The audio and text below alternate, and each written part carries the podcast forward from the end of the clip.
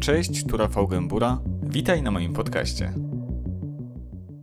Od 13 lat jesteś stewardem, z czego większość tego zawodowego czasu e, spędziłeś pracując dla arabskich linii lotniczych, które jak wiadomo owiane są wieloma legendami. Jak wygląda rzeczywistość? Jak pracuje się w takich liniach? E, W takich liniach przede wszystkim pracuje się ciężko.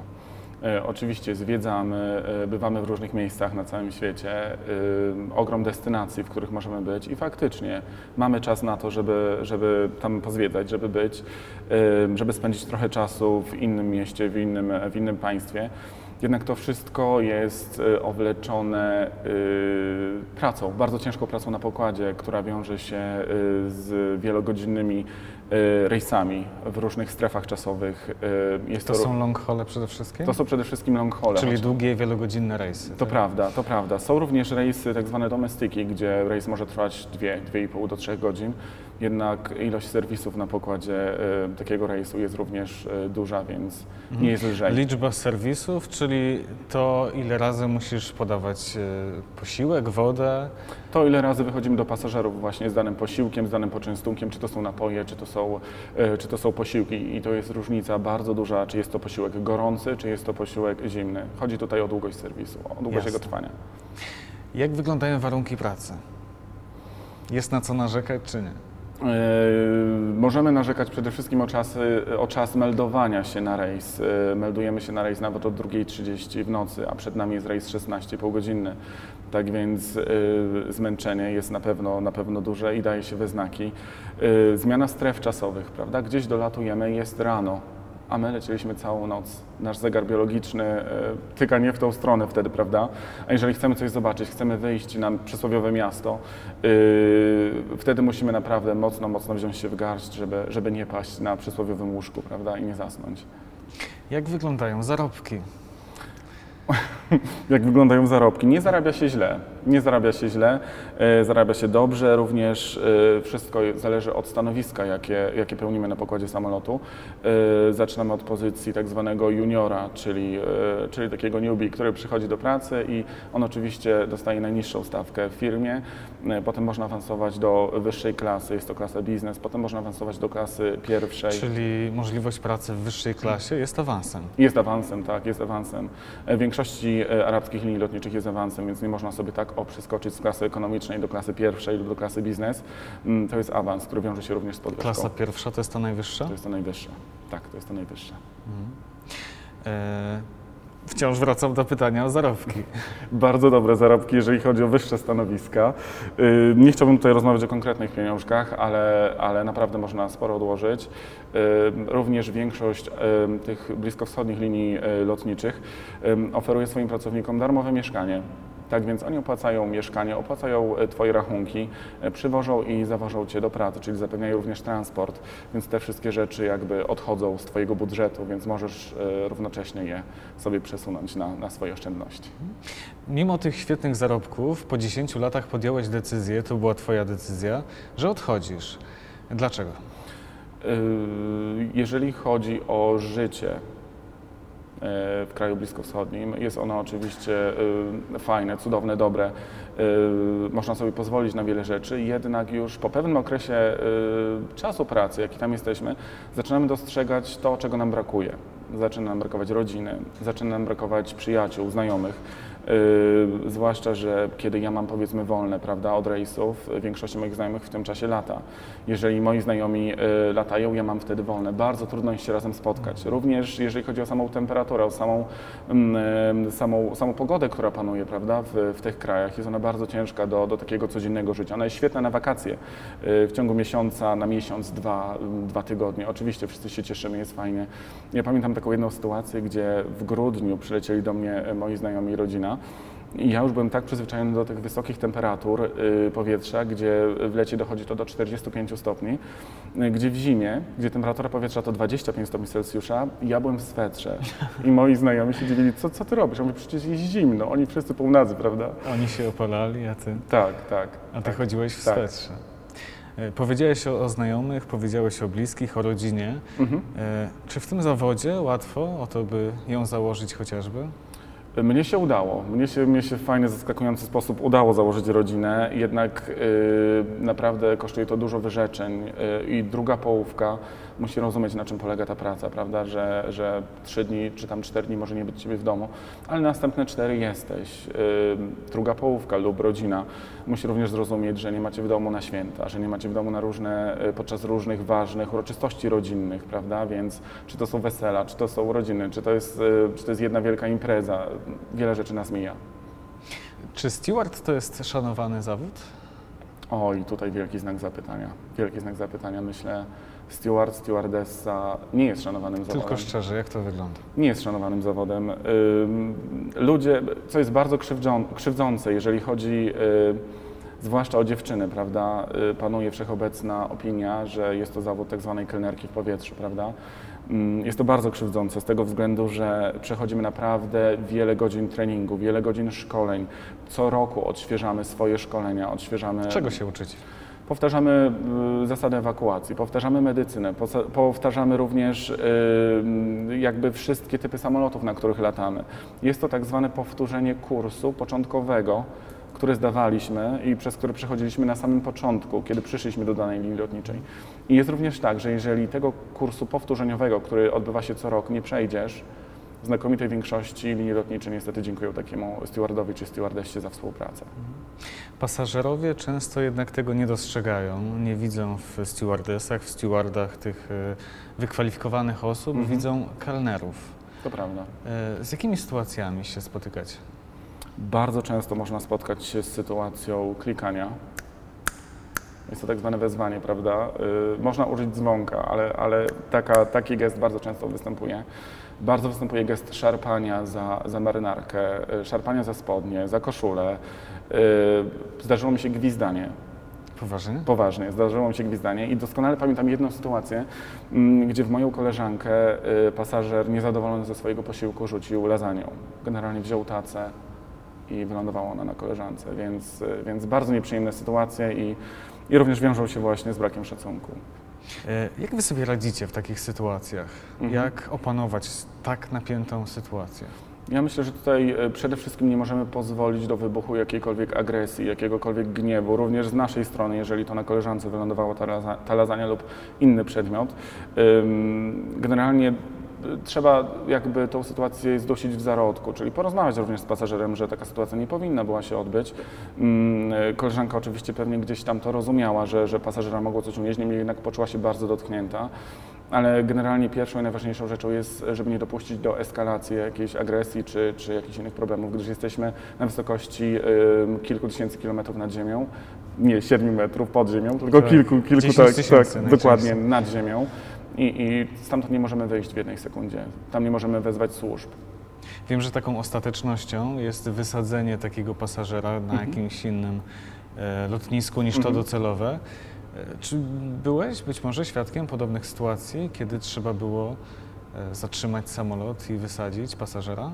W samym powietrzu nie, jednak na ziemi miałem jedną taką sytuację, gdzie kołowaliśmy już do pasa startowego i nagle podbiegła do przodu do mnie jedna z pasażerek i powiedziała, że pasażer siedząc, siedzący obok niej e, powiedział, że ma bombę wokół pasa. E, Tak więc niezwłocznie wykonałem telefon do kapitana. E, Wiedziałem, którym ten, na którym miejscu ten pasażer siedzi. Kapitan wydał ogłoszenie, że z przyczyn technicznych zawracamy z powrotem do gate'u. Spytał również o miejsce pasażera. Tak więc jak tylko dokołowaliśmy do gate'u, drzwi zostały otwarte. Momentalnie antyterroryści i, i specjalne służby biegły na pokład, wiedziały, gdzie mają się udać do konkretnego miejsca. E, Co się okazało, ten pan miał wokół e, pasa owinięty jakiś ręcznik czy kawałek materiału i po prostu chciał, chciał zrobić głupi żart. To był dowcip? Z jego punktu widzenia tak, z punktu widzenia prawie 300 pasażerów i, i, i kilkunastu członków załogi absolutnie nie. Absolutnie nie. E, Nie chcę zastanawiać się, jakie konsekwencje wiązały się z takim dowcipem, ale I ja również na e, pewno, na pewno bardzo wyobrażam ciężkie, sobie, tak, że- że tak, na pewno bardzo ciężkie. e, Linie Dosyć lotnicze- obciążające. Oczywiście, linie lotnicze również, większość linii lotniczych sto- stosuje system blacklistingu, czyli mm, e, jakby e, pasażer, który mocno zaszedł im za skórę, e, nie może ponownie zakupić biletu na ich stronie internetowej na dany rejs, więc, więc myślę, że takie przypadki mogą się spotkać z takim odzewem. Spędziłeś w powietrzu około 10 tysięcy godzin, jakby to wszystko zliczyć. Z całą pewnością miałeś loty, o których nie zapomnisz. To prawda. Jakie przychodzą ci do głowy? E, Wiesz co, nawet jadąc tutaj e, do Ciebie dzisiaj przypomniała mi się taka sytuacja. Był to, e, był to rejs, z tego co pamiętam, z Chicago, mm, gdzie po wykonanym serwisie przechodziłem, sprawdzałem kabinę, czy wszystko jest w porządku, czy pasażerowie dobrze się czują, czy, czy niczego im nie potrzeba. I zauważyłem, że jedna starsza pani nadal ma swój posiłek, nie- nieruszony, prawda? Co się okazało, pani powiedziała, że ona nie ma siły podnieść sztućców, nie ma siły go zjeść. Schyliłem się, pokroiłem jej, tej, jej ten posiłek i, i podawałem jej widelec, więc, e, więc pani zjadła i chwyciła mnie za rękę. Chwyciła mnie za rękę, e, zaczęła mi bardzo dziękować i spytała, czy może ze mną e, za, za moment porozmawiać. Ja mówię, oczywiście. Wróciłem po pięciu minutach. Pani poprosiła o kurtkę, którą miałbym jej podać z tak zwanego Pawlacza. E, tak więc podałem jej tą kurtkę, ona wyjęła z niej różaniec i ona mi dała ten różaniec i powiedziała, poprosiła, żebym się za nią pomodlił. Już pomijając tutaj kwestię e, wiary, wyznania, prawda, czy, e, i tak dalej, ale mm, Był to znaczący gest. był to znaczący gest i powiedziała, zwierzyła mi się, że ma brata w Chicago, który jest księdzem i dostała telefon, że ten brat umiera. Żeby do niego przyjechała, przyleciała się z nim pożegnać. Ona była jedna i ten brat, nie mieli nikogo. Wierzyła mi się, że wzięła pożyczkę w przysłowiowej y, firmie pożyczkowej, prawda, na, na ogromny procent i leci, i leci tam i nie wie, czy ona go zastanie. I poprosiła tylko, żebym się za nią pomodlił, żeby wszystko było w porządku. Zostawiłem jej swój numer telefonu, jakby czegoś potrzebowała w Chicago, bo w Chicago byliśmy dwa lub trzy dni, mm, ale nie zadzwoniła. Mam nadzieję, że wszystko u niej w porządku. No i taka pasażerka do dzisiaj pozostaje w Twojej głowie. Tak. E, Czy, czy takich osób jest więcej, które jakoś e, zapadają w pamięć, o Jest. których się myśli? Jest, oczywiście, oczywiście. Yy, Przyjąłem dwa porody na pokładzie samolotu. Poważnie. Poważnie, dwa porody przyjąłem na pokładzie samolotu. Jest to niesamowite przeżycie, adrenalina ogromna, podczas której naprawdę, no możemy tutaj się zastanawiać jak to zrobiłeś, yy, co robiłeś po kolei. To jest taka adrenalina, a i również wiedza wyniesiona Ale z naszego gdzie ten kursu. poród fizycznie się odbył? No bo samolot jest ciasny. Samolot jest ciasny. Poród odbył się na y, czterech ostatnich miejscach w samolocie. Okej. Y, Pasażerów prze, przenieśliśmy, y, przemieściliśmy y, pięć rzędów y, w stronę przodu samolotu. Y, Ja pasażerkę znalazłem w toalecie, bo ja jako szef pokładu musiałem zrobić przed, przed lądowaniem obchód całego samolotu. Czy nikt na czas lądowania nie znajduje się w toalecie? Otworzyłem jedną toaletę i ją zamkłem. Otworzyłem jeszcze raz, spojrzałem, tam jest kobieta. Kobieta ze spuszczoną głową, y, brzuszek był pokaźny i również y, na, samej, na, samej, na samej ziemi była woda, więc domyśliłem się, że mogą być to wody. No i pani stwierdziła w języku angielskim, że chyba rodzi. Więc zaczęło się wszystko, prawda? E, próbowaliśmy wzywać lekarza, lekarza nie było na pokładzie, była pielęgniarka, e, która asystowała oczywiście z nami, oboje przyjęliśmy ten poród.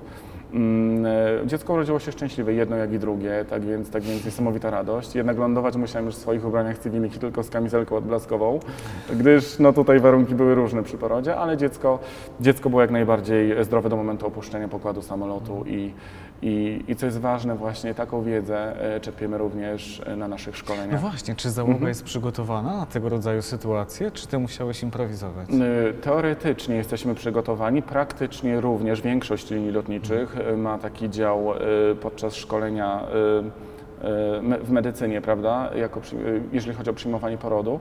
Y, I jest, jest, ćwiczymy na tak zwanym manekinie, który jest bardzo realny, wszystko występuje tak jak w realnym życiu. Jest oczywiście, występuje stres taki podczas odbierania porodu, żeby nie zrobić temu małemu człowiekowi krzywdy. Mm, Ale adrenalina jest tak duża, że, że że udało się. Udało się i poród przebiegł bardzo, bardzo szybko, co jest, co jest bardzo ważne i również niespotykane na pokładzie samolotu, że, że te porody bardzo szybko, yy, szybko yy, jakby się odbywają. Ale to się dzieje. Yy, kilka miesięcy temu też słyszałem o, o porodzie w jednej z linii lotniczych, tak więc, tak więc jesteśmy na to przygotowani również. Gratulacje dla Ciebie. A zgony zdarzają się? Tak. Tak, tak. Smutniejszy temat. Y, Ja miałem taką sytuację, to była Wigilia Bożego Narodzenia. Mm, Również, y, jak i dla nas, dla załogi, y, okres trochę cięższy z tego względu, że no nie jesteśmy ze swoją rodziną, nie jesteśmy ze swoimi znajomymi, jesteśmy w powietrzu. Mm, Państwo lecieli z Sydney do Londynu odwiedzić swojego wnuka, którego nie widzieli 7 lat. I podczas tego rejsu y, pasażer dostał ogromnych drgawek, y, wszystkie symptomy wskazywały na to, że był to zawał serca. Doszły do tego inne dolegliwości i pomijając cały opis sytuacji, y, co się działo na pokładzie, prowadziliśmy oczywiście reanimację. Ja poczułem tylko ścisk jego dłoni. Potem ja musiałem sam te palce zluzować, swoje od jego ręki. A co dzieje się z ciałem takiego pasażera? Y, Zostajecie cały czas w powietrzu. I, i, tak, sytuacja wygląda następująco. Jeżeli y, na pokładzie jest obecny lekarz i stwierdzi on zgon pas, y, pasażera, gdyż my jako y, załoga nie możemy, Nie nie, nie możemy stwierdzić zgonu. Możemy przypuszczać, ale nie możemy wydać takiego werdyktu, prawda, że ktoś zmarł. Jeżeli jest lekarz, który stwierdzi zgon pasażera, samolot y, w większości linii lotniczych kontynuuje swoją trasę do miejsca docelowego. Czyli powiedzmy, jeżeli to zostało 10 godzin, 9, 8, samolot leci dalej. Kilka linii lotniczych stosuje, stosuje taki zabieg, że pasażer jest sadzany na skrajnym miejscu, gdzie nikogo obok niego nie ma. Zakładana jest maska tlenowa na usta pasażera i pasażer wygląda tak, jakby źle się poczuł.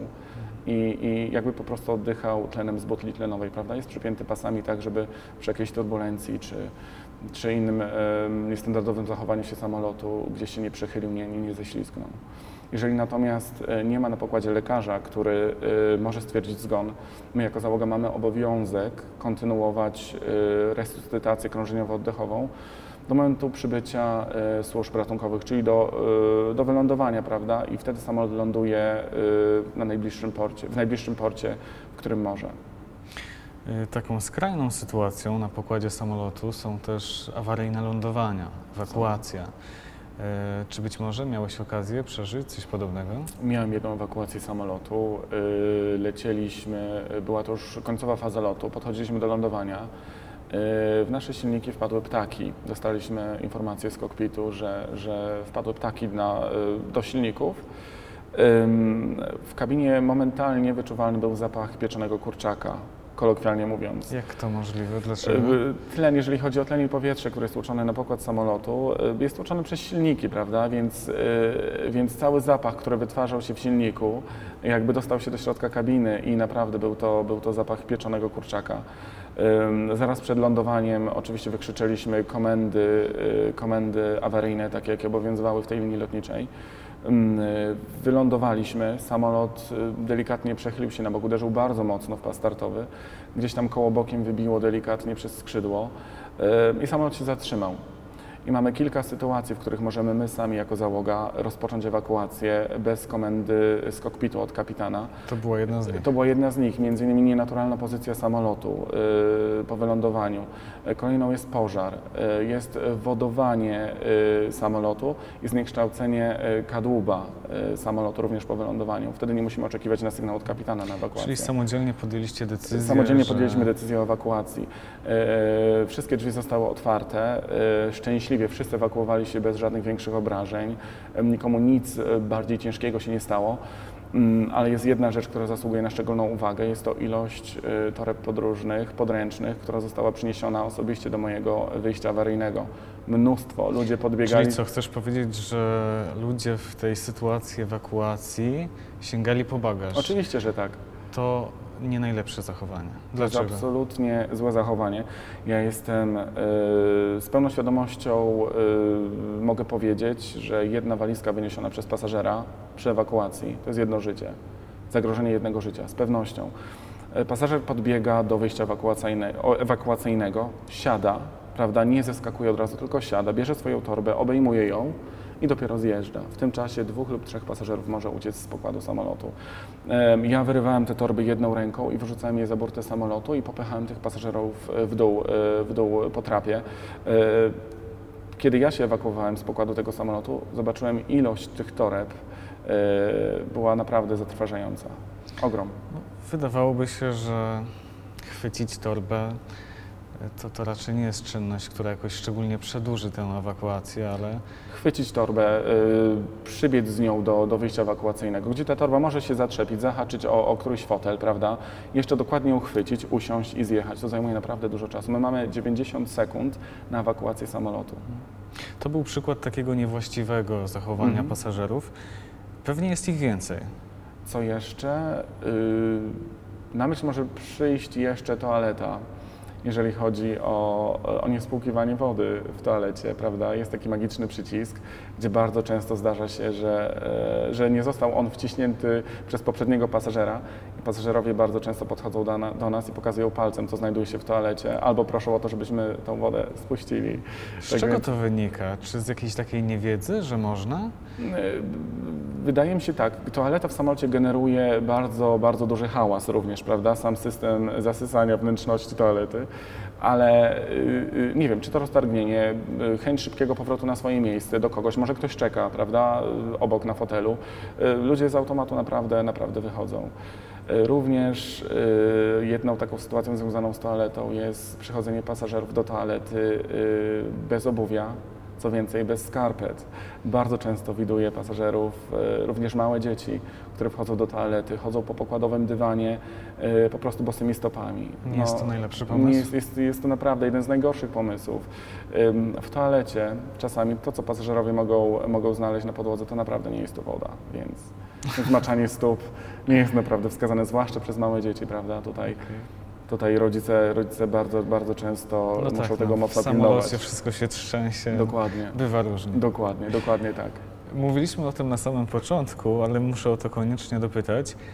Czy w tym zawodzie jest czas na to, żeby pozwiedzać, wyjść na miasto?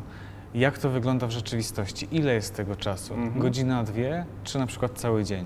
W zależności od linii lotniczych yy, mamy na to od 24 godzin do nawet 2-3 dni. To dużo. Zależy gdzie lecimy, zależy w jakiej rotacji jest samolot, zależy e, jak często w tygodniu te rejsy są wykonywane. Jeżeli rejs jest wykonywany codziennie, w takim razie taki pobyt w danym miejscu może trwać 24 godziny lub mniej. E, Jeżeli e, taki rejs wykonywany jest trzy razy w tygodniu, mogą to być dwa lub trzy dni, więc jest czas, oczywiście, że jest czas. To jeszcze o jedną rzecz Cię zapytam. Dlaczego podczas lądowania y, zawsze prosicie nas, pasażerów, żeby odsłaniać okna? Yy, Jeżeli chodzi właśnie o czas startu i lądowania, prosimy pasażerów faktycznie, aby odsłonić okna. Yy, Jest to podyktowane yy, tym, że pasażerowie widzą znacznie więcej niż my tak naprawdę. Podczas startu i lądowania wiadomo, co robimy. Obserwujemy, co się dzieje na zewnątrz, prawda? Podziwiamy widoki, podziwiamy miasto, jak ono wygląda z lotu ptaka. Tak, patrzymy zawsze. Tak, i pasażer może coś zauważyć, coś, co go zaniepokoi. E, I czy coś mogłoby się dziać z silnikiem, czy coś mogłoby się dziać z inną częścią samolotu, pasażer to zauważy i momentalnie zgłosi to załodze, więc, więc jest to taki punkt, e, dobry punkt informacyjny, jak i jeżeli chodzi tutaj o, o samo bezpieczeństwo rejsu, więc pasażer, pasażer jest bardzo dobrym źródłem informacji i, ja chciałbym tutaj podkreślić, że naprawdę nie ma głupich pytań, nie ma głupich e, komentarzy ze strony pasażerów. Jeżeli pasażerowi wydaje się, że, że coś kapie z sufitu, że podłoga się zapada, czy powiedzmy stukot jakiś gdzieś dochodzi skądś, jak najbardziej wszystko. Nie wszystko wstydzić się Absolutnie pytać. nie, absolutnie nie. Wszystko zgłaszać, pytać, czy wszystko jest w porządku. E, W lotnictwie nie ma głupich pytań. Jeżeli komuś wydaje się coś, że jest czarne, a wydaje mu się faktycznie, że jest białe, należy to zgłosić.